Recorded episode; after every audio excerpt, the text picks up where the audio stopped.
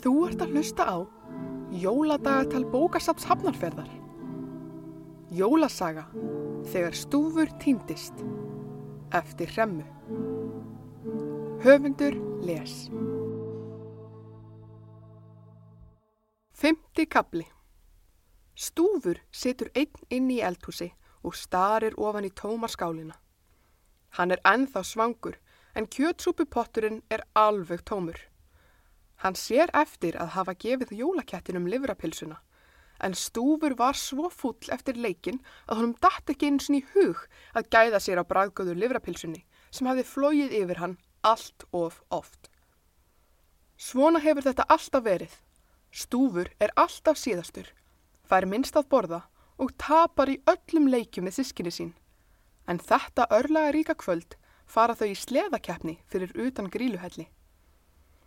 Gríla notar stafinn sinn til að teikna byrjunalínu í snjóin. Bræðurnir tólf og skjóða raða sleðunum sínum upp og býða eftir merki frá leppalúða. Leppalúði liggur hins vegar í snjónum og hefur alveg óvart sopnað. Gríla deyr ekki ráðalös. Hún grýpur jólaköttin og skellir honum í fangið á leppalúða. Hann rekkur upp með háu góli og tröllin þeitast af stað niður bratta brekkuna.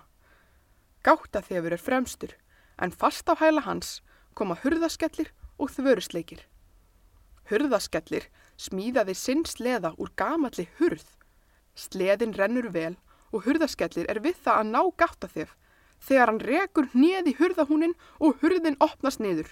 Sleðin tekur krappa beigju út af brautunni og hurðaskellir sér bæði gáttaþef og þvörusleiki ná góðu forskáti. Uh, Eftir á að higgja er sleði með opnanlegri hurð kannski ekkert frábær hugmynd, segir hurðaskellir við sjálfan sig og skellir hurðinni. Sem betur fer hefur hann likla í vasanum, svo hann læsir hurðinni og verður samferða skjóðu nýður brekkuna.